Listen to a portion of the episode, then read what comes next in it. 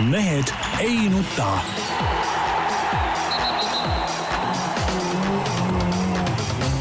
mehed ei nuta. selle eest, et mehed ei nutaks, kannab hoolt Unibet, mängijatelt mängijatele. tere teisipäeva, Mehed ei nuta eetris nagu ikka. Tarmo Paju Delfist, pelgalt. tervist. Peep Pahv Delfist ja Eesti Päevalehest. tervist. Jaan Martinson Delfist, Eesti Päevalehest ja igalt poolt mujalt. et äh, kui poliitikast al alustuseks rääkida, siis ma käisin Läti venalikus äh, vabariigis. piiri peal võeti mind lilledega vastu, paluti kindlasti edasi öelda nii härra Ratasele kui Ossinovskile suured tänusõnad, et alkoholiaktsiis on sedavõrd kõrgeks aetud, soetasin endale üht koma teist koma kolmandat sealt ja kuulsin jutte, et äh, nad plaanivad äh, lennujaama nimetada Ratase nimeliseks lennujaamaks ja Ossinovski nimeline äh, spordihall või mis ta, kuidas ta on, kultuuri- ja spordipalee Jah. tuleb selle Arena Riga asemel, sellepärast et nende meeste nagu palus, Läti riik on nii suur, eks ole. ja ei, absoluutselt, et nad ütlevad, et jumalast lahe, et, et me lükkame niisuguseid mõnusaid miljoneid kokku ja teie lollid jääte ilma. ei no Eesti poliitikuga peab üldse rahul olema, et, et, et mul oli jälle hea meel eh, kuulda, et eh, Isamaa Res Publica Liit ja kuigi ma, mina tahaks seda nimetada Isamaaks, kui Res Publicasse tuli, läks ta muidugi juraks, aga ütleme siis nii, et Isamaa eh, pealik härra Seeder ilmutas ikkagi nagu selgroogu ja ütles, et meie ei hakka siin Poola siseasjadesse sekkuma, vaata siin Euroopa Liit tahab siin Poolat hurjutada siin oma, mis nad seal oma riigis teevad, seal kohtureforme ja nii edasi. ei ole kellegi asi teise riigi siseasjadesse sekkuda, tead näe. see oleks sama totter, kui keegi tuleks nagu meile ütlema, mida me siin võime teha või, või kui Jaan, sa tuled mulle ütlema, mida ma oma kodus, oma majas võin teha, tead. Peegu- kõik on iseseisvad riigid, ei ole siin kellelgi midagi kobist, igaüks teeb täpselt selliseid seadusi, nagu ise tahab. Peebukene, mine ütle seda Ameerika Ühendriikidele ja nende presidendile, et ei tohi sekkuda teiste riigi asjadesse ja Putinile ütle ka. ja ütle Putinile. ei seda küll, aga ma räägin, mis meie praegu, meie ei sekkuda, see näitaski, et, et äh, Seeder ütles, et äh, ei hakka siin midagi jamama. no põhimõtteliselt unustage ära õige. see mingi Euroopa, et kõik Euroopa värgid saavad siin, Euroopa Liidu liikmed võivad üksteise kohta midagi ütelda, ei midagi ei või ütelda. ei midagi, Brüssel ütleb sulle kurgi suuruse no jaa, aga see kurgi võimaliku kõveruse. noh. huvitav, et sa suudad, Peep, nagu ikka nagu vaimustuda veel sellest, kui keegi midagi arvab või keegi midagi ütleb seal, et eh, ega nad ei ütle ju mitte millegi muu põhjuse pärast, kui lihtsalt, et eh, äkki õnnestub jälle mõni hääl kuskilt koguda, nii nagu jaa, aga, sinu arust see ei olnud õige otsus või? et, et, et mis, mis sa, mis sa üldse, mis sa üldse erutud kogu selle mingi vahu peale? ütle, kas see oli õige jutt või ei mina, olnud? mina ütlen ainult nii palju, et eh, mul õnnestus edukalt eelmisel nädalal ei, veeta, oota ära hakka, ära hakka sina mingi, ära vii, minu, mul on oma jutt, mis ma tahan ära ei, öelda. siis ütle, konkreetne küsimus kas on õige või ei ole? mina tahan öelda oma jutu ära, mul õnnestus eelmisel nädalal veeta tõesti nädal niimoodi kuskil pealpool pilvi, kus pa- paistis päike ja eirata kõike selle seda jama, eirata kõike seda, eirata kõike seda, millest sa siis vaimustud hirmsasti ja erutad hirmsasti.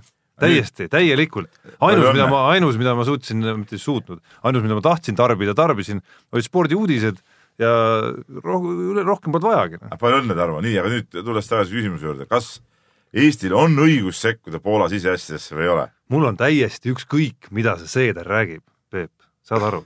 Ma unusta ära see see teema unusta see ära, Ma ma ei taha sellest ma ei taha, ma olen ikka, ma kas ei, Eesti riigil on õigus eh, sekkuda teise riigi siseasjadesse, kas Saksamaal on õigus sekkuda teise riigi siseasjadesse või ei ole? ma ütlen vasta. sulle, ma ütlen sulle veel kord, Peep, Näh, ta ei julge. ta on nii, vaata ta on nii euronoor, eks ole, vaata ta siin meie seltskonnas ei julge seda välja ütelda tegelikult, et tema arvates muidugi Euroopa kõik on sihuke suss-muss, eks ole, teeme kõike Peebukene. ühtemoodi, jah. kuule, äkki tal on endal lootus Brüsselisse saada ja selle ma välja, üldse ei imesta, no ta on ju sihuke vend. no lõpuks ta ongi seal otsapidi, noh. see on ju näha, noh. ega siin ei ole enam midagi. ja- ja- no, ja- ajakirjandusest, ajakirjanduse tööst ta läks juba ammu eemale, eks ole ju. noh, tema ju reaalselt ju mingit ju seda ajakirjaniku tööd ei tee, eks ole. küll ta varsti sammub juba seal võimukoridorides ka, no ta on progressiivne euronoor nagu ta on no.. ja siin me ei imesta midagi. Peebukene, noh, nii, mingi Seeder ütleb kuskil midagi ja sa, sa suudad erutada. no seepärast, et Seeder on üks õigemaid mehi ju, no ütleme. ta ütleb ju ainult selleks, et hääli saada no., lihtsalt käib mingi mõttetu mingi jahumine, noh.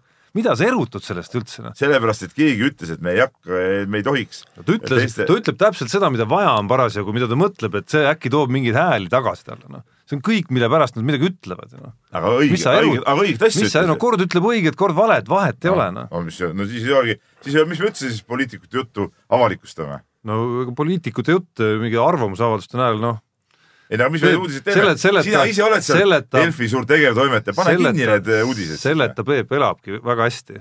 Aga- tõestatud aga eelmisel kinni nädalal. tõestatud eelmisel Nii. nädalal, nagu Äh, näha, siis on ikkagi vaja, inimesi on, kelle jaoks on vaja. härra, äh, härra Soonvald, seltsimees Soonvald, ma muidugi rõhutaksin, kuulab seda saadet, peatoimetaja ja, ja teab, et nüüd on, meil on niisugune poliitika, poliitikute jutte me enam Delfis ei avalda, head kuulajad, ei ole mõtet enam niisuguseid uudiseid oodata, tulevad ainult äh, tilulilu ja, ja muud sellised asjad ja see on, see on äh, Tarmo Paju nagu ütleme, kontseptsioon.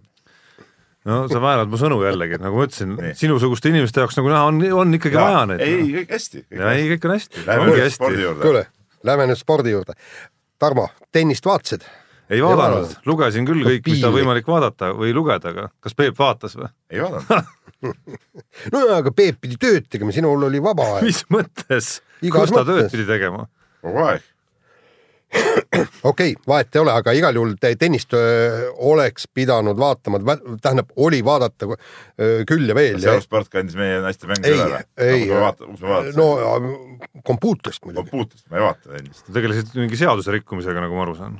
mina, ei mina ei tea, ma klikkasin sinna, pilt tuli ette, vaatasin, et kust ma tean. taas tööandja peab selle isegi, kui ta jääb vahele, peab tööandja selle hüvitama, sest Jaan tegi äh, live blogi sellest, ja, ja Nii. seadust rikkudes. jah, ja kui, kui nüüd, kui nüüd hakata otsast pihta, siis muidugi Kaia Kanepi mäng eh, Tsibulkova vastu oli, oli tõesti võimas.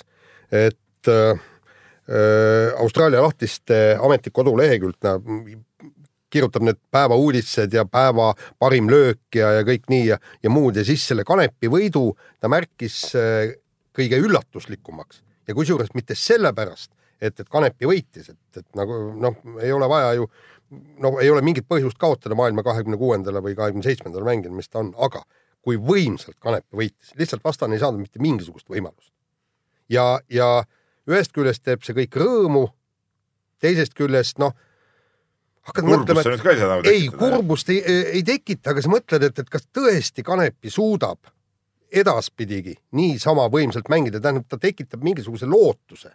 et pagan küll ja kusjuures seal oli, ma, ma lugesin neid Twitteri säutse igal, igal pool ja see tõesti noh, säutsuti, et pagan küll, see plika paneb kogu selle pulli kinni. noh, plikast on asi muidugi tänaseks päevaks juba nagu äh, aeg on edasi läinud sellest no Jaan, sa, staatusest natuke, aga äh, noh, natukene see, need kõik need äh, hõisked minu arust lähevad samasse parteisse selle vaidlusega, mida me siin saate algul äh, kiri. Seederi teemal natukene äh, sai vaieldud, et, et noh, ega nüüd ei maksa nagu päris hulluks ka minna ikkagi, et et äh, ühest küljest tõesti ühe mängu järgi võita Tšibulkovat või Tšibulkovad või kuidas iganes seda hääldama peab, no võita nagu nii veenvalt, et ma saan aru, et äh, vastas olnud mängijal ikkagi nagu närvid olid suhteliselt kiiresti läbi selles mängus juba No sa- ja ei ei aidanud seal no- pausid ega mitte miski ei aidanud. ei no kuule, kui, kui üks lööb üheksa ässa, sina lööd ühe ässa ja kui üks teeb kaks, mis ta oli, kakskümmend kaheksa äralööki ja sina ainult kuus, no see, see näitab tasemevahet. ja tegemist, ja tegemist oli naisega, kes ma arvan, tuli ka sellele turniirile mõttega, et selles üsna segases potis, mis naiste tennises on, äkki temal on hoopis nüüd, äkki on tema kord praegu jõuda seal kuskile, ma ei tea, kui kaugele, kui siin eelmine aasta igasugu imenaisi suutis Suure Slami turniire võita. nojah, aga muidugi, mis puudutab Kanepit, ega me oleme ju näinud tema esituses neid turniire küll, kus ta paneb siin üks, kaks, kolm ringi paneb kõvasti, jõuab, on veerandfinaaligi jõudnud, eks ole. noh, seal tuleb ikka see sein ette, et ma arvan ka, Jaan, et võta nüüd tuure maha, meil on üks kiri siin oli ka samal teemal, ma kohe praegu enne kui kirjade rubriik hakkab, kohe ütlen, et näed, et palun enne uue saate algust tõmmake maha Jaan Martinsoni ootust, et pärast äh, Austraalia Openi esimest ringi Kontaveit ja Kanepi võidavad ära kogu turniiri. no Jaani muidu jutust tuligi siuke mulje välja, et ei, ma, ei no hirm, peab võidavad. isegi ütlema, et antud juhul ei tulnud, vastupidi, ma just, ma, siis sul oligi see hirm, et no. Peep on muidugi õige mees, ega tema faktidele ennast nagu oma juttu segada ei lase, et kui, kuigi Jaan nagu oli su- suht vaoshoitud, üllatuslikult isegi siis. Peep ikka nagu oma laused ütles ära. Peep või Tarmo, sa oled tõesti ajakirjandusest äh, kuidagi kaugele taandunud. ajakirjaniku põhi noh, idee ongi ju selles, et ei saa faktidele head lugu ära. muidugi, ei tasu inimestele helistada ka äkki, äkki asjaolud muutuvad. olgem ausad, selle, mis Jaan välja tõi, selle suurmeister on ta muidugi ise, eks ole. ta teab väga hästi, mida räägib. nii, aga, aga nüüd, kui, kui seal kirjas mainiti, et Kontaveit ja Kanepi, siis vot Kontaveidi puhul on väiksed fakt on see, et, et kiri on selles vale, fakt on see, et koos nad võita ei saa seda, et võita peab ainult üks. just, aga, aga Kontaveit noh, mängis, mängis hästi, mängis omal tasemel ja, ja kuigi teise seti lõpus hakkaski natukene kätt väristama, siis, siis ikkagi vastane väristas seda kätt rohkem ei saa. mitte natuke, tegelikult hakkaski ära andma jälle.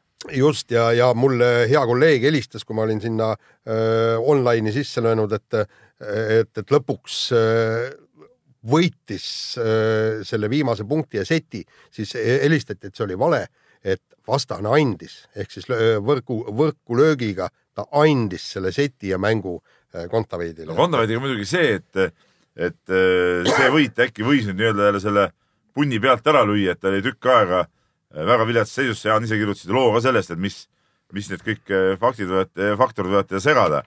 Ja, ja seal see, ütleme see võidu kättesaamine seal enesekindluse taastamisel oli üliolulist, ega ta, ega ta mänguoskus ju kadunud ei olnud. absoluutselt. Ja, ja nüüd tuleks see hoo, hooga jätkata, nüüd on, nüüd on see asi, et, et vaata nagu eelmisel turniirilgi eh, Brisbane'is, eks, esimese mängu võitis, teises oli ju ühe seti ja ühe servi murdega ees. et seal, et seal ikkagi see üks võit näed ei aidanud, noh, kuigi ei olnud nojah ka, päris turniiri kaal on erinev, no jaa, kuigi see ei olnud ka päris tühine võit seal, et mm. mingisuguse päris muidu naise üle see võit ka ei olnud. jah, aga, aga nüüd tuleks see teine kätte saada, vot sealt võib hakata jälle see hoog kerima.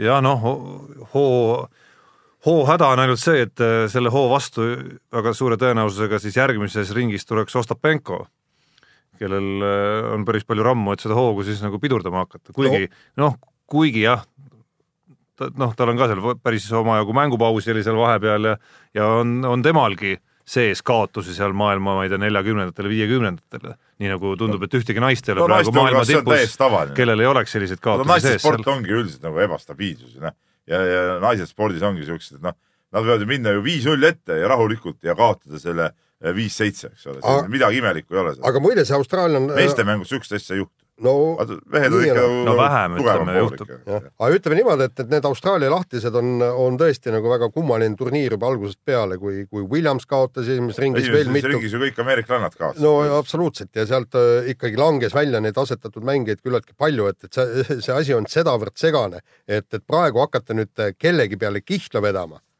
no ütleme niimoodi, et ei julgeks. ja, ja see, täpselt sellel samal põhjusel ma oleks ettevaatlik ka nende nagu ütlemistega, et äh, Kaia Kanepi on nagu lausa soosik number üks või, või ei et. ta on kindel esikümne mängija tegelikult praegu, et et selle mäng, vot selle mängu põhjal, üksikut, nagu ühe mängija peal tõepoolest saab niimoodi nagu öelda, et selle mängu, kui ta nii mängiks kogu aeg, aga kuskil esikolmekümnes käib seal nagu risti-rästi kogu aeg selline nagu edasi-tagasi andmine. alati muidugi see kuigi, moment ka. kuigi tõesti, tõesti nii palju peab küll ütlema, et äh, pärast seda comeback'i ja pärast äh, pärast seda, kui need esimesed mingid ITF-i äh, mingisugused asjad olid läbitud Kaia Kanepil, noh, mulle tundub, et seal seda stabiilsust ja, ja mingisugust nagu psüühika tugevust on ikka nagu oluliselt rohkem juurde tulnud ja ja see on hoopis teisel tasemel kui ma ei tea, viie aasta vanus, viie aasta tagusel Kaia Kanepil. et üks asi muidugi see, et Kanep ise mängis ka kindlasti hästi, aga, aga ega me täpselt ei tea, Tsipulkov oli võib-olla nii vilets ka, et, et selle, selle taustal on ka hea võib-olla noh, niisugust hea, hea välja näha nagu, eks ole. jaa, aga noh, see Et- et viletsus peab kuna tegemist on tennisega, kus su mäng sõltub otseselt vastase mängust ka, siis äh, selles viletsuses oli Kaia Kanep ise süüdi päris palju, süüdi. seda küll, aga samas noh, kui sa oledki vilets, siis oledki vilets. Lähme nüüd järgmise osa ja kiirvahemängu juurde ja läinud nädalal siis sai äh, internetis näha suurejoonelist show'd, kui kogu Himki korvpallimeeskonna kaader kuni koristajateni välja öö, jäeti ilma poolest kuu palgast ja, ja siis äh, legendaarne oli siis ka treeneri sõnavõtt äh, või omaniku sõnavõtt klubi peadirektor. peadirektori see sõnavõtt, kus pani, pani paika ja, ja no eks teie, teie teate seda paremini, et, et noh, et kuulge, et, et mäletate kasvõi ühegi mängija nime, kellelt pähe saite, et noh, vihjas kalevlasi, et, et neil parim mees teenib viis tuhat eurot, on ju, ja teie kõrgepalgalised ei suuda neid üle mängida. kõik on õige ja, ja tegelikult mulle sihuke asi meeldib, et selles suhtes, et kui ikkagi olgem ausad, Himki oli pask, mis pask, kui nad käisid siin, ütlen välja selle sõna, Kalevi vastu mängimas ja pärast seda, sellist asja tulebki need mehed läbi raputada. mina, ma oleks terve kuupalga ära võtnud, mitte pool kuud, ma oleks terve kuupalga ära võtnud. et, et kuulge vennad, tead noh, see oli häbiväärne kaotus Imkile ju tegelikult ja, ja, ja tahaks, et Eestis oleks ka niimoodi, et kui, kui ikka ei mängita, eks ole, kogu Kalevi mehedki panevad mingit udu, tuleb Valdma, Ivar Valdma riietusruumi ja, ja rapib läbi kõik, ongi kõik, tead, ei ole mingit siukest, et, et sussu-mussu, et oh, pole viga, ärme nüüd mängime paremini, mis, mis paremini. raha ära, hakka mängima, siis saad tagasi juba seda raha. Ja väga õige. Ja nii peabki olema. noh, nagu mä- nõudlikkus on märksõna, et ma, ma ei mäleta enam, kes see korvpallur oli, aga aa, kas see tuli meelde, Giannis Burusis vist oli see Kreeka korvpallur, kes mängis omajagu oma karjäärist ka Milanos ja kes noh, kes on mänginud ka väga paljudes tippklubides. Milano, ütleme viimasel kümnendil seda Ütlesid, nagu päris teravamas tipus ei ole, raha on kulutanud palju uh,. minu arust oli see tema, kes üks, ükskord siis tegi mingisuguse võrdluse, kus ta ütles, et kõik on iseenesest nagu tippklubis, aga just nagu sellest nõudlikkusest on nagu püsti nagu puudu jäänud seal, ehk et kõik on olnud selline nagu sõbralik ja võidad või kaotad, vahet ei ole, pärast mängu ikka on selline nagu omanik tuleb ja noh, patsutab õlale ja noh, et nagu selline õhkkond ja, ja, ja ta väitis, et see on just see, mis on jäänud nagu siis sellel klubil, hoolimata sellest, et on kulutatud tohutut raha äh, mängijate peale, et see on just see, mis on jäänud nagu puudu võrreldes, ma ei tea, olümpiaakoste või Panathinaikoste või Istanbuli Fenerbahcete või Moskva CSKA-dega. aga Himki juurde naastes, siis ma loodan, et need mängijad vähemalt on nii palju aumehed, et koristajatele ja autojuhtidele oma taskust annavad selle nende pool palka tagasi ikkagi. Nemad, nemad pole milleski ole, kuidas ei ole. milles koristaja, võib-olla ta koristas halvasti seda riietusruumi, mul nagu oleks. no see oli külalismäng no ka jaa, veel enne kui. ma ära sõitsin, mul oleks, mul oleks tuju pahaks, tead noh. või sõitis autoga seal halvasti, tead noh. ikka võib olla. no ei, see on solidaarsus, vaata, see on nii, kui ma teen poistele ei, see on solidaarne küll aga Aleksei Švedil on võimalus ikkagi tulla ja öelda, kuule, autojuht Vassili, et äh, kuule, et kuule, ma keerasin käru praegu kokku, et äh, aga ma tahan nii öelda, et solidaarsus võistkonnas, see on eh, klubis, see kõik on õige, et kui trennis üks mees teeb käkki, siis ju kõik panevad kätekaid ju. Kuule, absoluutselt. täiesti teisest teemast no siia saali seda valvelauatädi sa siiski ei kutsu seda kätekõverusi Vajaduse tegema ei ole kutsunud Peep kunagi, ei ole ei ole, ma peaks alla minema kuskile, ma ei viitsi. kuule, kuule, ei jaksa lihtsalt. kuule, tuli, tuli meelde, see, see on ju, sõjaväes on ju see kollektiivne karistamine. ei on, on jaa, aga noh, koristajad päris ei tule ikkagi. nii, tuli täiesti te teisest teemast meelde, ma ei tea, kas te juhtusite vaatama see, mis toimus äh, Eesti Kaitseväes.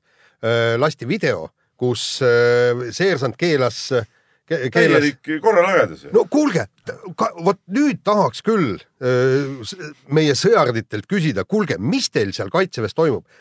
tähendab, sõdur tahab minna suitsu tegema, seersant ütleb ei ja siis läheb üks teineteise mingi saatmine. kauplemine, mingi asi, noh. selle peale oleks ammu olnud E- esiteks seal füüsiline karistuseks pead järgnema, teiseks kartsa panema, eks ole, vee ja leiva peale mitmeks nädalaks kohe. kuule, Peep. Korralikus sõjaväes oleks see sõdur, kes keeldub käik-, käsku täitmast, oleks praegu tähendab istunud kas parimal juhul ei noh, sõja ajal, sõja ajal lastakse maha lihtsalt. ei just no, ei no sõja, see on tavaline olukord. ei no mis see on, aga kui Ei, sa, kui sa juba harjutustel nii-öelda hakkab selline nagu hakkab selline õhkkond levima, siis Ei. rindel on samamoodi. Vene sõjaväes oleks dispatis juba istunud. kaks aastat oleks dispatis istunud ja kõik nii. ja ma tahangi, tahangi just seda öelda, mida, millele Tarmo viitas. Käsuliin on raudpolt sõjaväes, seal ei saa niisugust jama tekitada. seal ei saa, sellepärast et kallid, kallid inimesed, kui ühel hetkel hakkab sõda ja sama, samasugune vaidlus hakkab, siis ju inimesed hukkuvad selle tagajärjel et see, see on täiesti raudne, ma, ma ja kusjuures kogu see sõjaväe juhtkond tuleks ju ka äh, rahulikult erru saata. kui, kui midagi säärast neil seal toimub. see oli hea üleminek, nii.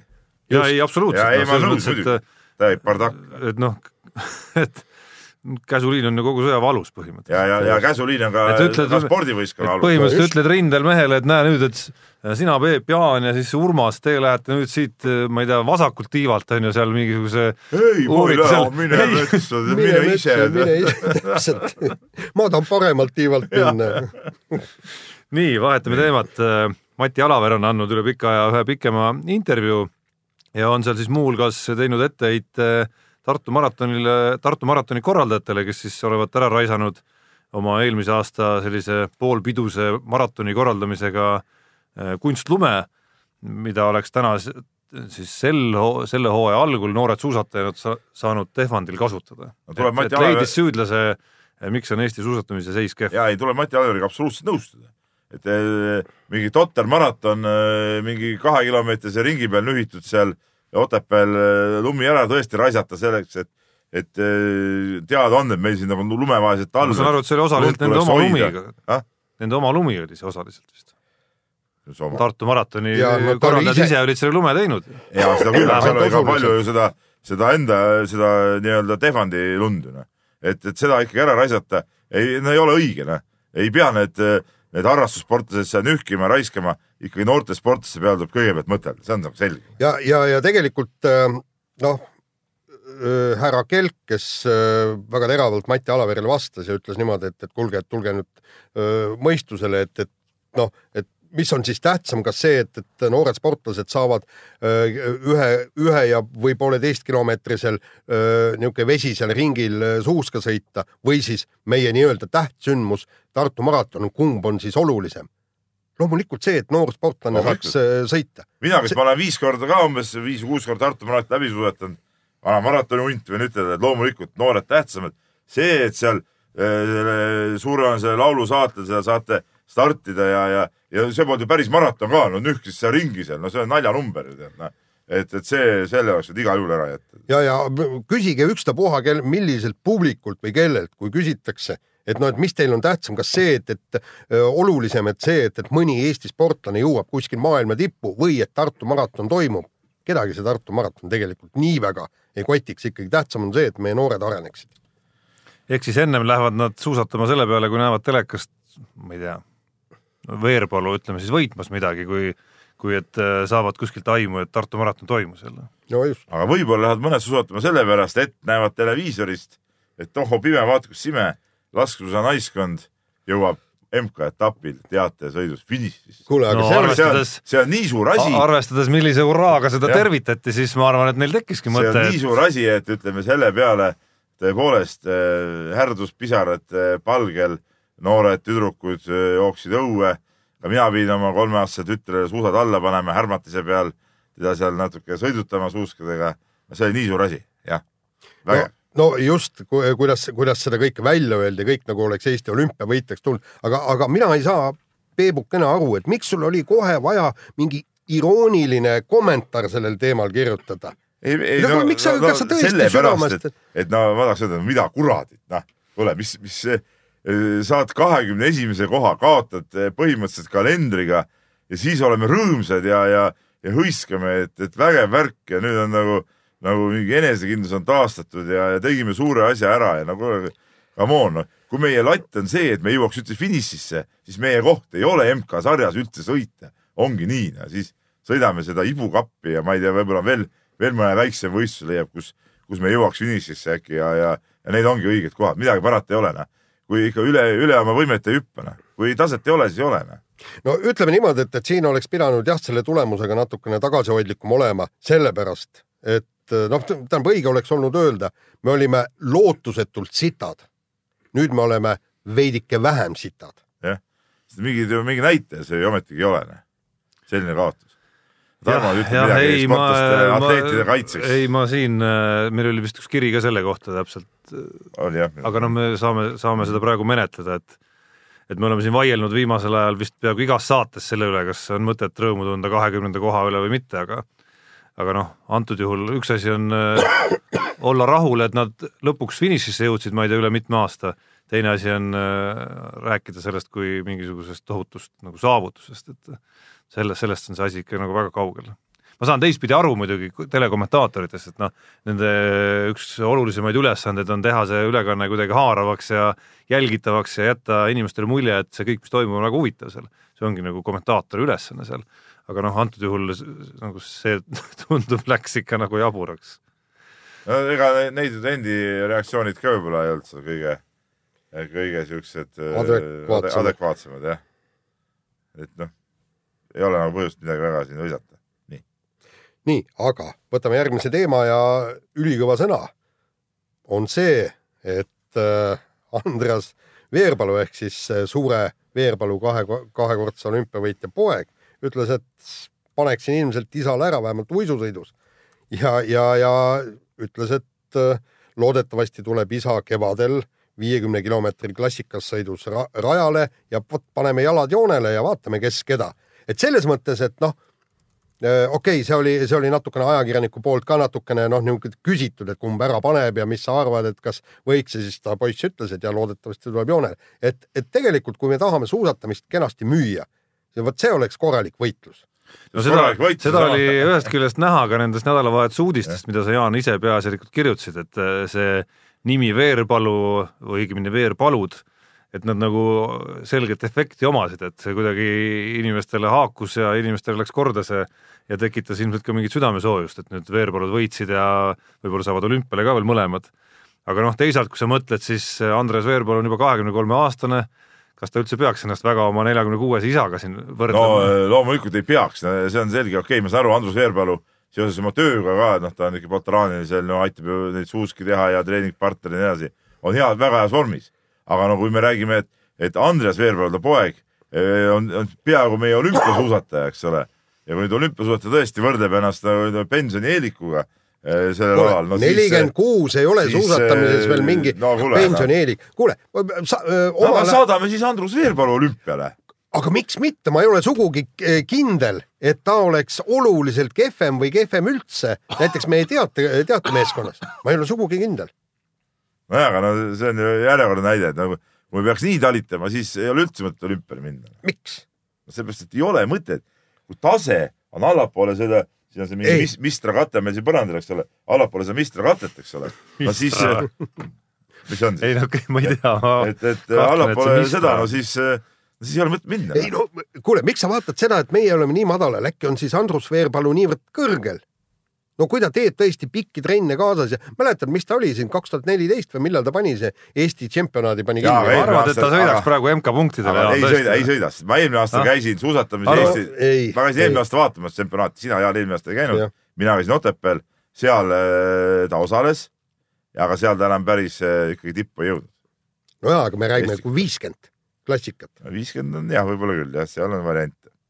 nii, nii, aga kiire vahemängu lõpetuseks äh, võtame luubi alla veel ühe väga suure mehe, Aivar Pohlak, kes siis andis äh, Pealtnägijas intervjuu ja ja osales seal reportaažis, aga pidi pärast seda siis vabandust paluma, kuna vurasid seal saatelõigus autoga ringi kõvasti ja turvavöö oli lahti kogu aeg. no mina seda saadet ei näinud ausalt. ma ka ei näinud, aga, aga tuleb Et- välja, et ikkagi ka jalgpalliinimesed eksivad ei no kui see piiksuma ei hakka, no teed mingi lühikese otsa, no mis seal ikka, aga ma näiteks äh, Vasalemmas sõidan näiteks äh, ma ei tea, ühe maja juurest lähen kellegi teise juurde kilomeetri sõita, ma tunnistan ausalt, ega mina ei viitsi ka seda vööd seal peale panna, las ta, las ta isegi piiksub mul seal autos. no mida ma seal küla vahel sõites panen siis noh. tegelikult. ma ei tea, kas Poolak nüüd ka vaata nüüd, nüüd kuskil kiirtee peal kihutas. ei, see oli ka rohkem seal maastiku peal vist oma Noh. ja külavaheteedel äh, käis see asi seal kõik, aga siis No tegelikult ei ole otseselt ju vahet. nojah, seda küll, aga, aga seal on see, et, et nii kuulsad ja tähtsad inimesed peavad ikkagi näitama head eeskuju. et muidu hakkavad vaatama inimesed, noored, kes tahavad ka kunagi jalgpallijuhtideks saada ja klubi omada ja siis vaatavad, ahaa, näed. mis juttu sa nüüd ajad? no las ta olla, ma ei ütle midagi ma no nii, lähme järgmise osa kuulus. turvavöö peale pani, aga mis seal salata, vahel poodi minnes ikka no ma räägin, kuidas Ikka suhtes noh, teed, noh. ikka jääb ka, noh. äh, ilmselt ju need filmimiseks olid ka mingid lõigud, pool poseeritud mingid äh, hetked seal suts-suts tehtud, eks ole, noh. ikka juhtub. no seal on, seal on, kuidas sa istud sinna autosse sisse, noh, paned käigu sisse, hakkad sõitma ja siis, siis võtad, noh, paned need asjad kõik paika, viimasena turvavöö peale ja selleks ajaks ongi juba kilomeeter sõidetud. no vot, nii on. ja läheme kirjade rubriigi juurde ja, ja kirju siin jälle on osad kirjad siin nagu menetlesime juba sisuliselt ära.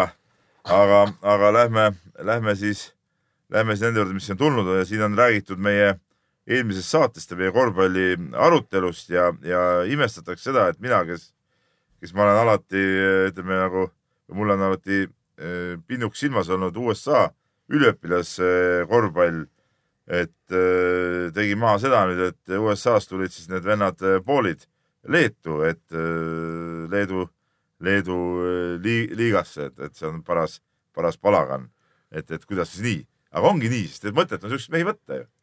noh, Leedu liiga mäng ju näitas ära, mis nende meeste tegelik tase on. null punkti mõlemil ju, null ja null. aga seal nendes show mängudes vist eile üks viskas, nad võitsid seal Leetus Ritase, Ritase noori võitsid. noori ja, ja üks viskas eh, kolmkümmend midagi, teine kakskümmend midagi. noh, see ongi nende tase, noh lastemängud, lastemängud ma ütlen ja tegelikult. selles mõttes, selles mõttes nad tegid, selles peame... mõttes nad tegid õigesti muidugi, et nad Balti liigast ära tulid ja korraldasid siuksed show-mängud endale, kus, kus neil on nagu, nagu mõtet ka mängida oma taseme mõttes, noh. Balti liiga on liiga kõva nende jaoks. no ei no nende poiste jaoks ja. nojah, aga meeskonna enda jaoks on see mõttetu, seal meeskonnas ega nemad ei ei ole põhimehed seal, nemad on ju mõne minuti mehed, nagu näitas Leedu liiga mäng no,. Ilmselgelt... päris meeste jaoks on see totrus mängida nende poistega. no ilmselgelt see klubi ikkagi nagu võib-olla raha mõttes on ka võidus kogu sellest projektist. no arvad, et no ei, kindlasti mingid eks see, ei, seda muidugi. see, see mõte ju ongi. aga mind natuke see palagan nende ümber häirib ja, ja tegelikult ega me peame siin endale ka nagu tuhka pähe raputama, et me oleme ikkagi ka, ka kajastanud seda, et noh no ma ei näe, et seda nagu ei võiks ega peaks aga kajastama, noh. aga tegelikult, mõttes... tegelikult, kui me mõtleme, miks peaks kajastama? noh, sellepärast juba, et äh, päris et nende palju... vend mängib NBA-s? ei, päris palju miljoneid, kui mitte sadu miljoneid see teema kuidagi puudutab, noh, ja kuna ta nii lähedal juba meile on, siis puudutab ka meid. aga ta mängida ei oska? noh, seda veidram ja seda suurem see teema mingis mõttes nagu ongi. nojaa, aga vot minu juures, mulle nagu, miks mulle ei meeldi näiteks need igast tähtede mängud ja mingid, mingid show asjad, ma vaatasin, eh, pühapäeval oli see, laupäev-pühapäev oli KHL-i eh, see Allstars nädalavahetus. no laupäeval olid siis need mingid muud võistlused, pühapäevased mängud, ma mängu pole vaadata, ma vaatasin laupäeval natuke seda, neid muid võistlusi. no tegelikult see on täielik jura ju noh. ei saa, ei saa need mehed ise aru, mis nad seal peavad tegema, siis on see publik seal mingid noh käib mingi, mingi, mingi palagan ja mingi lollitamine, tead, no mis, mis mõte siuksel asjal on? ja, ja ma nagu tooks, et need vennad poolid on minu silmis samasugune, see on nagu lihtsalt nagu üks palagan, no seal päris spordist ei ole mitte midagi no.. ei no vennad poolid, ma arvan, võivad isegi olla võib-olla tulevikus no, selles mõttes olla nagu aga nad on praegu ära rikutud juba. tublid poisid, aga see isa ilmselgelt tundub, et keerab nad ikka päris nässu. ma ei ole kindel, kas see on kõige vot kahjuks ma ei ole kuulnud ja lugenud, et kui palju, kui tõsiselt see nagu töö, see, mis, see need mängud, mis seal nüüd kokku on pandud, Ritase noorte ja ma ei tea kellega, noh, noh, seal on nagu seda show elementi päris kõvasti, onju. aga et kui hea treeningkeskkond see nüüd nende poolide jaoks seal on, seal Leedu niisuguses Urka klubis, sellest ma ei ole aru saanud veel hästi. kuule, kui vanad need poisid kas seal on ka isa kohal kuskil ja seal tehakse mingit nalja või või ikkagi nagu poisid peavad trennis ikkagi nagu korralikult tööd tegema ja on see nagu arenguks okei okay keskkond. aga minu arust, mis asi näitab nüüd poiste kohta või see noorem poiss, mul, on nimed nüüd sassis, kumb teist noorem on. üks on kaks tuhat üks sündinud poiss, ma tean. et ähm, minu arust oli uudis selline, mul jäi silma, õigemini mul poiss juhtis ka tähelepanu sellele, et äh, vaata on see Euroliiga noorteturniir, eks ole, kus Žalgiris alati osaleb oma noorte satsiga. et äh, üks nendest kuttidest vist läheb Žalgirisega koos seda mängima, vot, vot seal nagu näitaja, kui ta seal tõmbab kõvasti, vot siis ma ütlen, vend on perspektiivikas mees, tead näe. aga kui, kui ta seal jääb ka häbisse ja seal ei lasta tal küll mingit nalja teha, et ta kaitsesse ei tule või ootab seal kuskil oma korvi all neid või viskab järsku lambist eh, kümne meetri pealt peale, et siukseid asju teha ei lasta. et, et kui ta seal päris mängus ka nagu, nagu just no ütleme oma vanuste seas, vot see näitab, tema mingi taseme ikkagi ära. seda ootame nagu huviga. nii, tahtsid küsida midagi? ei, pane aga edasi. Eh, Anti kirjutab meile ja, ja nüüd äh, kõik me oleme vaadanud, eks ole, käsipalli Euroopa meistrivõistluste finaalturniiri ja, ja, ja seal oli, mis sa naerad, Tarmo?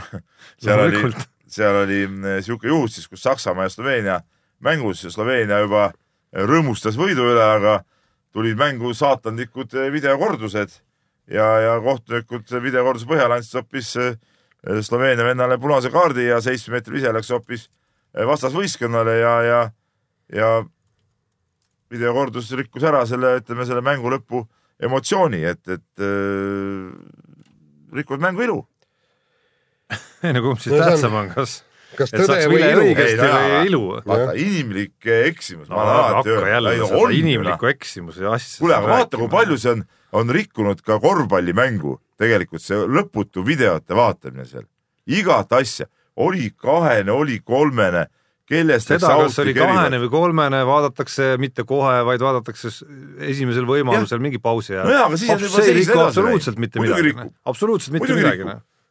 muidugi rikub ja, ja kõik ja need, kõik, kas oli kellest, eks out'i, see üks, üks jorutamine käib, see on täiesti nõme minu arust. Peep, kuule jubedalt häirib seda. Peep, kuule, mängijad teevad ka nii, nii-öelda inimlikke vigu, no panevad kellegi jala taha, panevad kellegi küünarnukiga ribidesse. Need ju karistatakse ära. Äkki seal ka niimoodi, kohtunik ütleb, ai no see on inimlik viga, ärme seda puuduta, ärme seda karista.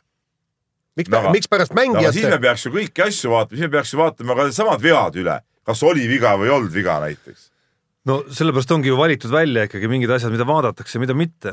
Selge, et mingi tekib ju- ja selge, et kuskil lõpusekundite mingisugused asjad võiksid olla korrektsed ikkagi. no jaa, aga näiteks võtame sedasama Salgerise viimase mängu, vägev mäng oli, eks ole. Ulanovas pani seal kulbi, noh Jaaniga aru, Jaan ütles, et noh, see selge viga oli, eks ole. ma ütlesin, noh, see nii selge ikkagi ei olnud. nii, aga see otsustas mängu saatuse nüüd. nii, kas oleks pidanud seda vaatama videost üle? seda ju ei vaadata, ei vaadatagi, ma räägin. no just. no aga, aga miks sedasi vaata, ütleme, kui me vaatame nüüd, kellelt saaks pall out'i, kas see mõjutab nüüd mängusaatust rohkem kui lõpusekundil tehtud, kas oli viga või ei olnud viga? noh, ma ütlen, et seal äh, on teinekord isegi video põhjal raske seda otsust teha, kusjuures selle vea puhul. seal võib olla see, kas Aga astub joonele, see, kas astub joonele või ei astu, on nagu väga selge, noh, see on nagu mustvalge küsimus ikkagi. see, kas äh, aeg on läbi või ei ole aeg läbi, on ka täiesti mustvalge küsimus. aga mõjutavad need see mängu lõppu ühepalju. ja, aga no mingi valiku sa pead tegema, sa niigi ei ole rahul juba, et on rikutud liiga palju mängu. siis ärme tee üldse neid asju. no kui me ei saa kõike, kui me ei saa absoluutset tõde välja selgitada, ärme tee üldse siis seda. ja nagu me aru saame, käsipallurid just äh, vaatasidki videost seda veamomenti. nii on. et ja noh, sellega rikkus ära selle. nojah, see on igal mängul omad reeglid. mina olen sellega nõus, et no mingi valik tuleb teha, sest noh, muidu sa lähed teise äärmusesse ja siis see mäng läheb tõesti nagu jaburaks kätte. ei no valik ongi see, et me ei tee, eluaeg on saanud niimoodi mängitud. no eluaeg on äh, päris palju asju lastud läbi ka ikkagi. No ikka vahest juhtub noh. ei, Ei no no päris vaata- tihti juhtub va-, vaata, vaata, mis juhtus, kui võrkpallis hakati neid nii-öelda äh, kordusi vaatama. Aga see on täiesti jama enamik, enamik challenge'id tulid välja, olid kõik õiged, kohtunikud eksisid kogu aeg, noh. aga Ja- aga see oli jama, aga see võtab liiga palju see mängurütmi maha. saad aru, videokordusi tehakse neis momentides, mida inimsilm ei suuda hoomata, võta see tennises, kas on joone peal või mitte. Ta Ameerika jalgpallis on ka täpselt see, et, et kas ta püüdis palli või mitte, sellepärast et see kõik käib nii kiiresti, pall on kuskil mehel seal kõhukoopas on ju ja siis kukub pikali, kas pall läks vastu maad või mitte. inimsilm seda ei, ei hooma, sellepärast või siis kas ta astus joonele või ei astunud ja kõik niisugused asjad vaadatakse ära, see on täpselt samamoodi nagu okis Va. vaadatakse, kas see, kas see käis väravast see liter ära või mitte, sellepärast et inimsilm seda tõesti ei näe. on ju olnud juhuseid, et liter käib väravast, tuleb välja, keegi, keegi ei saagi aru sellest. Et sellega sellega ma olen nõus, et äh, vigu on nagu noh, on ikka, on nagu mõttetu vaadata tegelikult, noh. vea peab kohtunik suutma ikka nagu ise ära näha ja seal on tõesti, seal ei ole, see ei ole mustvalge, noh.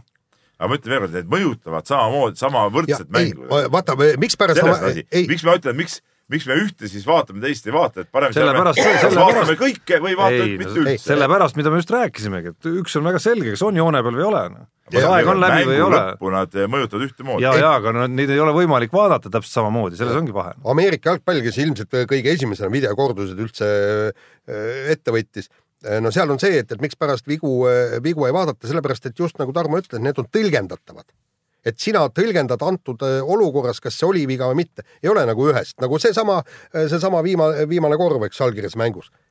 ta, ta võis olla, sina selgitasid ära, et, et miks see ilmselt ei olnud viga ja miks kohtunik ei vilistanud, kuigi kehakontakt oli, aga noh, nagu sa ütlesid, käsi oli kenasti üleval, kaitse oli omas silindris, eks. ja vot nüüd ongi kohtuniku otsus ja tõlgendamine ja seda ei saa, isegi sa võid videost vaadata, siis kolm kohtunikku, mis nad hakkavad hääletama. Ei no jah, okei okay,, aga ma ütlen, minu arust rikub see üldse ära seda asja, aga viimane küsimus, seesama kirjajuures, kes siis eh, tuleb eh, käsipalli Euroopa meistriks, mis sa pakud siis? no sina oled käsipallispetsialist, mina ei tea sellest kahjuks, õnneks, mida, kas Eurosport näitab üldse neid mänge või?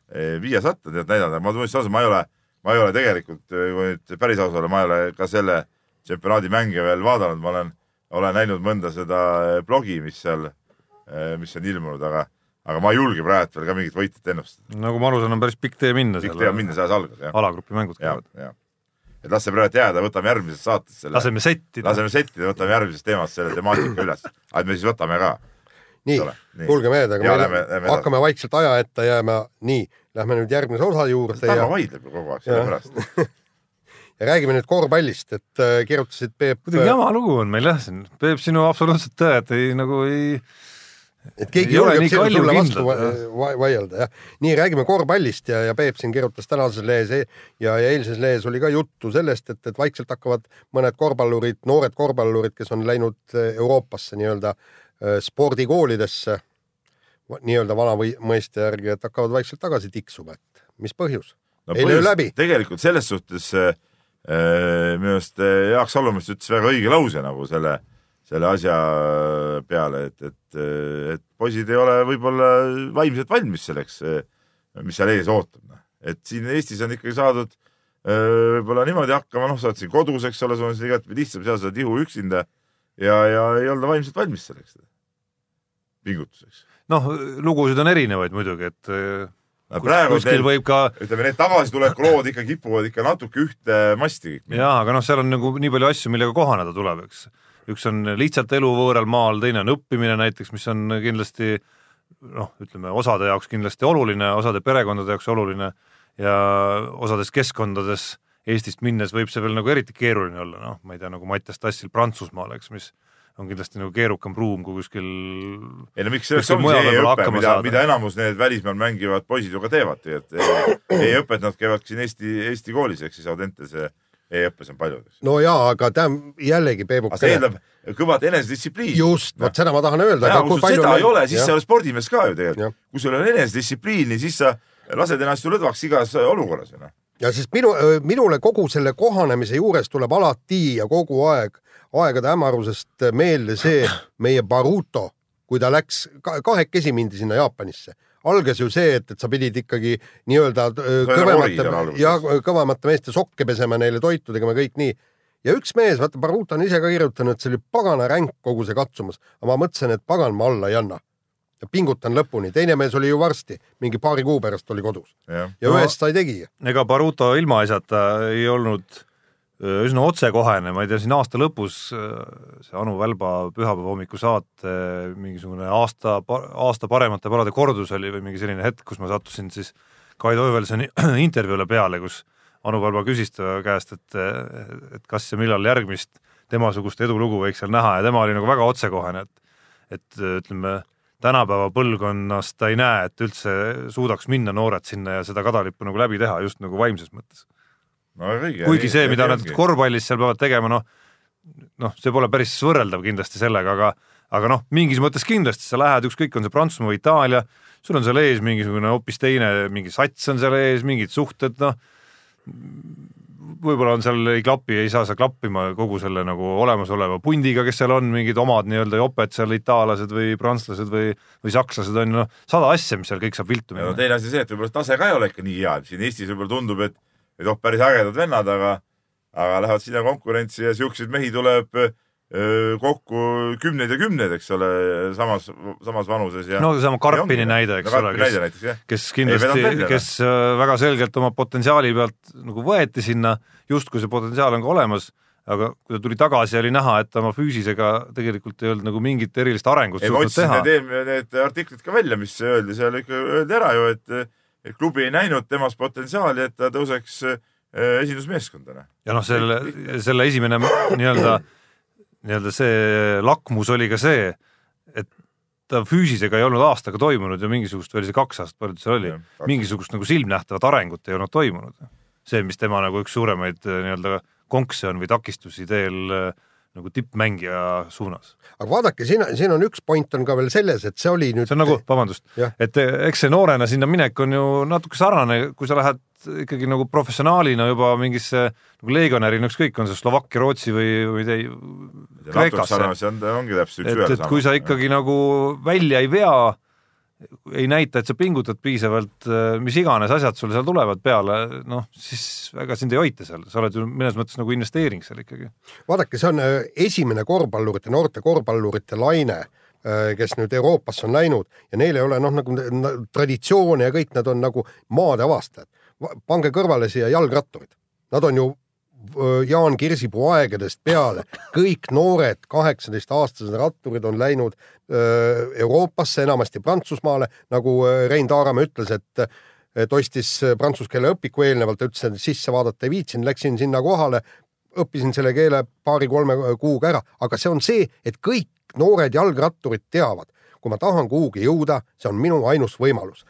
ja, ja neil on õpetajaid, neil on kolleege, seal on noh, nad teavad, et, et see tee tuleb läbi käia ja kui enne seda kümned ja kümned mehed on selle tee läbinud ja paljud neist ka tippu jõudnud. ja noh, me teame siiski sa... rohkem edulugudest. teame ja, ja teame, aga sa, aga saad aru, sa juba vaimselt valmistud enda, ennast selleks teekonnaks ette veri noorest peale noh, korvpallis on ja, see, korvpallis on muidugi, korvpallis on lihtsalt see erinevus veel ja mitte ainult korvpallis, vaid võib-olla veel mõnel alal, et äh, ütleme, see ei ole sul ainus tee, et sul on see nagu tagasituleku variant nagu olemas, kui sa jalgratturina ütleme, tunned, et äh, see tee seal Prantsusmaal tõuseb püsti. Ega sul alternatiive tegelikult maailma tippu jõudmiseks ei ole, ole., aga siin on sul nagu see kojutuleku variant nagu olemas alati, see nii-öelda kallid koduseinad ja emad-isad ja kõik tuttavad äh, noorteklassi konkurendid ja meeskonnakaaslased ja, ja ka kohalikud klubid, et noh,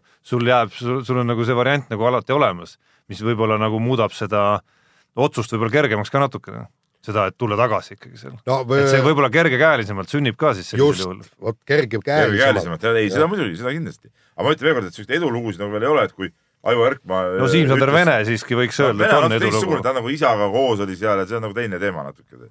aga eh, Erkma tõi ka näite, et noh, et, et paar poissi nõudsid Itaalia meistriteks, üks on see hõbe olnud noh, see on ju noortemeister, eks ole. ei no edulugu on ikkagi see, kui sa meesteklassis lõpuks, ja, lõpuks oled, oled, oled jõudnud kuskile. normaalses normaalses klubis, eks ole, aga praegult okei okay,, need vanused no, on ka veel, vanused on ka veel sellised, aga aga vot see ongi nüüd see küsimus, et, et ma vaatasin, noh, enamus mängivad seal kuskil teises, kolmandas, mõned neljandas liigas, eks ole, kas seal Itaalias, Hispaanias, kusagil kohtades, et noh.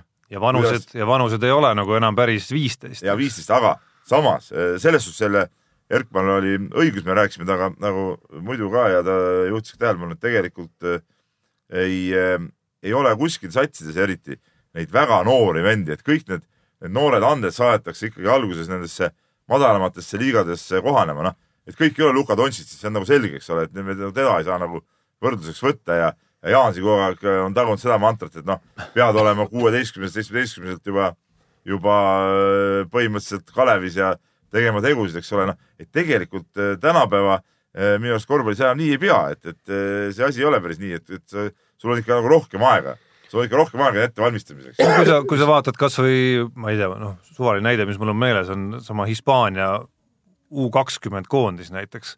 no me räägime ikkagi nagu Euroopa tipust, siis ega sa ei näe nende koondiste liidreid nüüd Luka Dontšitši moodi kuskil säramas veel sellisel tasemel, et, et ses suhtes on, on muidugi õigus, aga noh, meie omadest mõned on siiski juba ju noh, ma ütlen juba on võib-olla, aga noh, on nagu üsna lähedal ikkagi sellele äh, noh, Sander Raieste näiteks, kes äh, mängib seal Victoria duublis, eks, nii mõnedki mehed, kellega ta seal koos duublis mängib ja noh, üsna võrdväärselt, võrdväärselt mängib ikkagi, on juba Euroliigas no, näiteks põllul käinud. kui võrdväärselt tead mängib. no statistika järgi no, vähemalt. statistika on tihtipeale ka petlik, et see ongi see küsimus nüüd, et mu enda jaoks on, ma mõelda, et, et mis need teised mehed on nagu saanud siin ja tema veel ei ole saanud, et noh, et, et millal nüüd see see no vähemalt tuleb, ka statistika põhjal on näha, et ta ikkagi päris sama hea ei ole. jah, jah, jah nii, kuulge mehed, pange nüüd tempot juurde.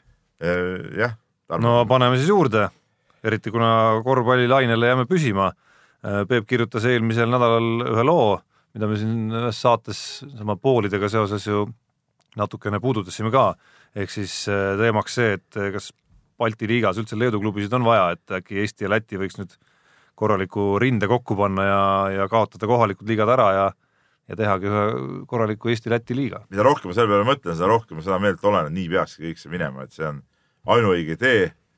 Äh, saaks normaalse liiga, niisuguse suhteliselt tiheda, äh, oleks mõlemalt, mõlemast riigist siin noh, ma ei tea, kas ähm, ütleme siis Eestist kuus, Lätist kaheksa või, või, või, või kasvõi minu pärast mõlemast kaheksa-kaheksa, eks ole, et saaks korraliku täisväärtusega liiga ja pärast Eesti tsempionaadi tiitli mängiks siis lahti nagu play-off'is nagu, nagu võrkpallis toimub jah ja minu arust oleks, oleks jumala okei okay. ja, ja, ja näiteks kõige viletsam eh, Eesti klubi ja näiteks Eesti esiliiga võita, siis vahetaksid järgmiseks aastaks kohad ja, ja oleks see kõik liigade süsteem säiliks ka ja Eestis oma liigad oleks ka kõik alles, nii et, et oleks jumala, jumala. no see okay. oleks ju niivõrd normaalne ja võrkpall näitab, et, et see, see toob on. edu.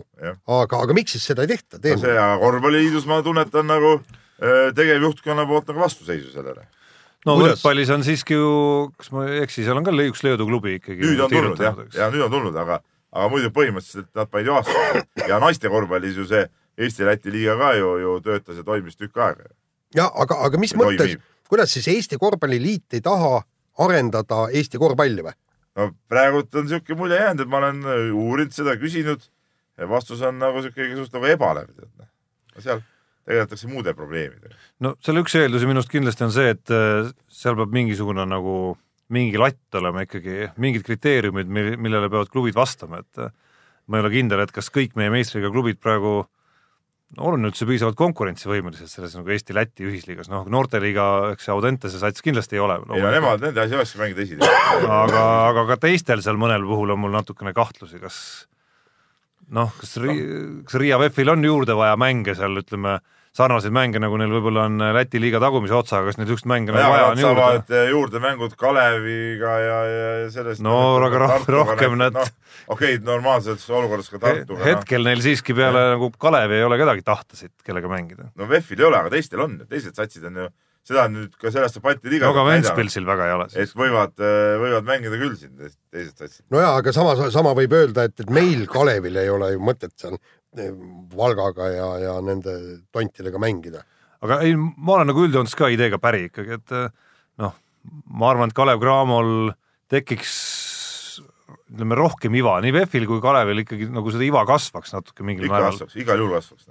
et eh, igal juhul oleks seda rohkem kui ainult eh, nii-öelda omade seas. ja ka nende keskmikel omavahel mängida oleks ju palju huvitavam. ja no mis oleks oluline ikkagi, et tekiks mingisugune nagu noh, mingi süsteemsus, et ei, ei ole igal aastal mingisugune erinev, no ma Balti liiga näitel just räägin, et mingisugune erinev selline äh, mingid satsid tulevad, mingid lähevad äh, sügisel või su- suvel vaatame jälle, kes tahab mängida, kes ei taha, et, et tekiks mingisugune nagu loogiline järjepidevus.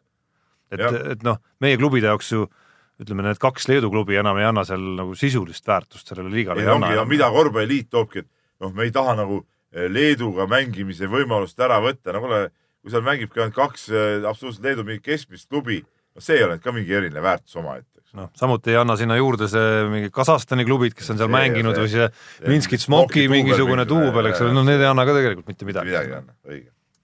nii, võtame kiirelt veel, märgime lihtsalt ära siukse asja, et kuidas Eesti spordis on võimalik ennast ka müüa, et peagi tuleb siis turule Kelly Sildaru kohuke, et siis uus eh, ka kohuke.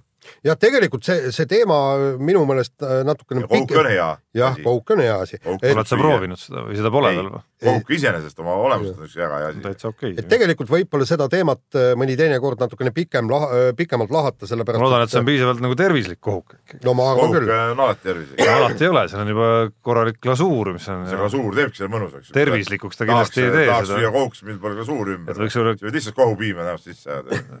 no võib-olla Kelly Sildaru kodujuust oleks hoopis parem.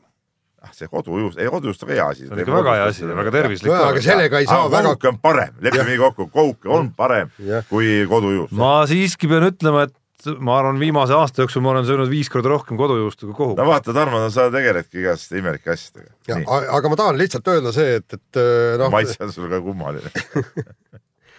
see Kelly Sildaru ja tema perekonna jätkuv ja järjepidev töö äh, enese müümiseks ja tutvustamiseks ja kõik see on täiesti muljetavaldav. et, et, et see on see, mis tegelikult äh, aitab sul kunagi tulevikus elus läbi lüüa ja tegelikult ka pappi teenida. ja mi- miskipärast äh, väga hulk, suur hulk sportlasi, kes on ka väga heal tasemel, kurdavad, et näed, raha ei ole, et kuskilt äh, noh, ma ei tea, riik ei anna ja EOK ei anna, kõik nii. Nemad on suutnud äh, läbi ajada, hakkama saada praktiliselt ilma igasuguste toetusteta. no üks äh, kaude haakub võib-olla, aga mitte otseselt, üks asi, mida ma just Kelliga seoses mingi päev tabasin mõtlemast ennast, vist kas mingi ju välismaa väljaanne ka oli, kes äh, kirjutas selle, et Kelly Sildaru vigastusega umbes olümpia kaotas ühe oma staari. ja kuigi see tundub võib-olla nagu selline noh, mis jama nad ajavad seal, siis tegelikult selle vigastusega jäi ikka päris ainulaadne võimalus Kelly Sildaru tiimil ju nagu noh, kasutamata on tobe sõna vigastuse puhul, aga aga tõesti, kui ta viieteistaastaselt oleks kaks olümpiakulda seal võitnud, siis olümpial olnuna te teate küll, mismoodi need nagu mismoodi ka maailma meedia, ingliskeelne meedia, USA meedia, Briti meedia, mismoodi ta nagu otsib ja janur nende nagu staaride järele. Ja viieteistaastane tüdruk, kui ta oleks tõesti suutnud need kaks tükki ära võita seal, tast oleks puhutud selle olümpiat päriselt ka üks kõige suuremaid staare. ja olekski nii olnud, olekski nii olnud. ta oleks olnud ees ja taga igal pool. kui me siin meenutame, kuidas siin luikesid, eks ole, siin Bushit ja kolmikud olümpial ja, ja mis iganes kõik ja veel. mis luikes meenutame kas või Sotši olümpial see noor iluuisutaja, mis ta oli, nimi tuleb see- meelde, ka mingi viisteist või midagi et seal oleks- seal oleks olnud kõik maailma väljaanded täis kellit ikkagi pärast kahte kulda, okei okay,, no seda, need ei oleks olnud kõik kantslis maha kuulutatud, need kullad, aga aga noh, tõenäosus oli päris korralik.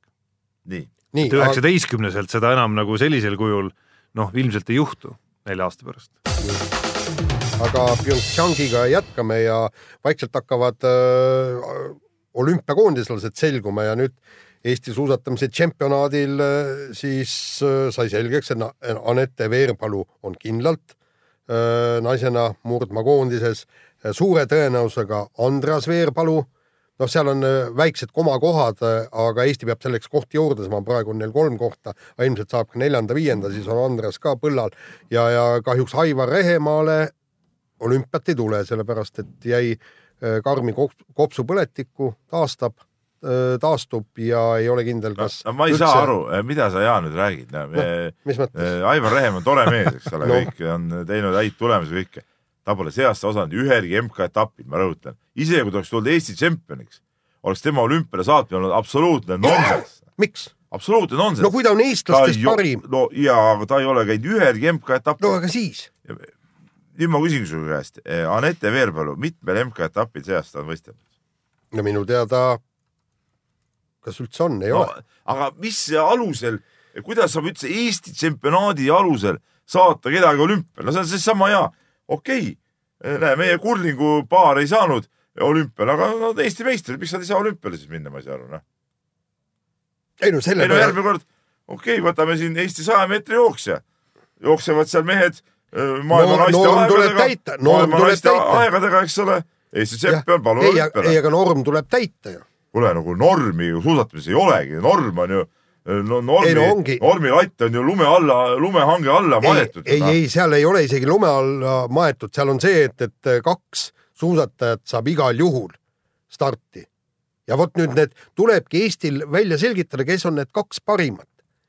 ja, ja, ja kui me kodus, alles sa kirjutasid ja hea loo sellest, kuidas soomlased äh, äh, ja rääkisime pikalt-laialt sellest, kuidas soomlased ei saada välja igast nalja. kuule, aeg oleks ju meil lüüa kõik see selg sirgu ja lõpetada ära Peep- Peep- see tsirkus. Sinu ootus on siis see, Peep, et suusaliit ütleks ikkagi, et äh, olgu need kaks kohta, kriteerium, kriteerium on see, kui sa MK-etapil teatud piirist pole üle tulnud, ei lähe Need kolm meest, kes meil on, palun väga, viis pluss, muidugi head kohad kahekümne nurgas, sõidame, eks ole, aga midagi juurde sinna panna, no come on. kusjuures soomlastel on jah huvitav see, et nende kriteerium on see, et sportlasel peab olema realistlik võimalus äh, tulla olümpiamängudel kuueteist sekka. ja kusjuures kummaline on näiteks see, et, et tükk aega öö, kaaluti, kas üldse laskesuusa naiskonda saata sinna, neil on, neil olid kõik kohad olemas, laskesuusa kohad olemas. aga ütlesid, et ei pagan, need teised naised on nii kehvad, et kuueteist hulka nad äh, ei pääse. okei okay., vaatame, mis naiskonna seis on. naiskonna seis on ka samamoodi kehv. Ja nüüd äh, ühel MK-etapil nad suutsid seitsmendaks tulla, neil oli siis äh, naiskondade arvestuses peab olema esikaheksasse mm, -hmm. esikaheksa, no võistkondade arvestuses Jah., nii. ja siis äh, tänu sellele naised, laskesuusanaised loodavad, kujutage ette, eks, et neid saadetakse hümpeale, aga kindel pole. sama on meeste suu-, suusahüpataja, hüppajatega küsimus ei olnud finishisse jõudmist, küsimus selles, et nad said seitsmenda koha seitsmenda koha ja. nüüd nad loodavad, et neid lastakse olümpiale. no ma ei tea, meil oleks juba orkestriga lennumas vastas oldud, noh. Ongi nii. no jaa, aga, aga, aga teine asi on ju see, et, et sul peab olema ka neid taustajõude piisavalt. kui Soomes on kaks hokimeeskonda läheb sinna, hokivõistkonda, et siis neil on neid tõesti hooldemehi Otti too. sellest ma saan aru, no siis tuleks kuidagi seda hooldemeeste süsteemi. No meie pärast ei hakka, Peep, seda mitte keegi muutma. Aga keda nad seal hooldavad siis, kui veel sõitjatki pole ju? ei no aga suusad on palju vaja määrida. palju neid määrida see vaja on, kui sul on kolm sportlast? Ei no jah. ei no mingi töö tuleb ikka ära teha, mingi töö tuleb ikka ära teha. ja ei no sellele. kolmele murdmaasuusatajale on ikkagi vaja korralikku määrdetiimi, et kui ta lähevad parimate suuskadega, siis on neil võimalus tõesti äkki korrata seda saavutust, tulla kolmeteistkümnendaks, üheteistkümnendaks, kümnendaks. kui need suusad ei ole maailma tasemel määritud, siis ei ole mitte mingit võimalust. see on argument, aga iseenesest nagu sportlikus mõttes eh, on see ju täielik jama.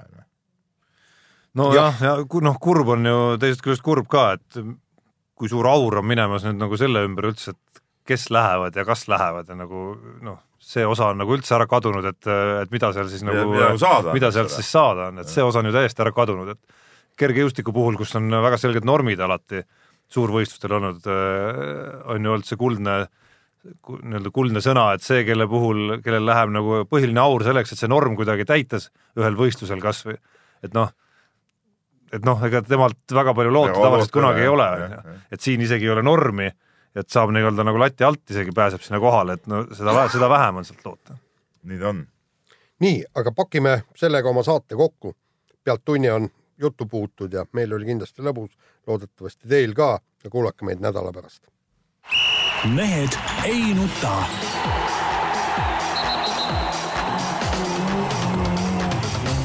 mehed ei nuta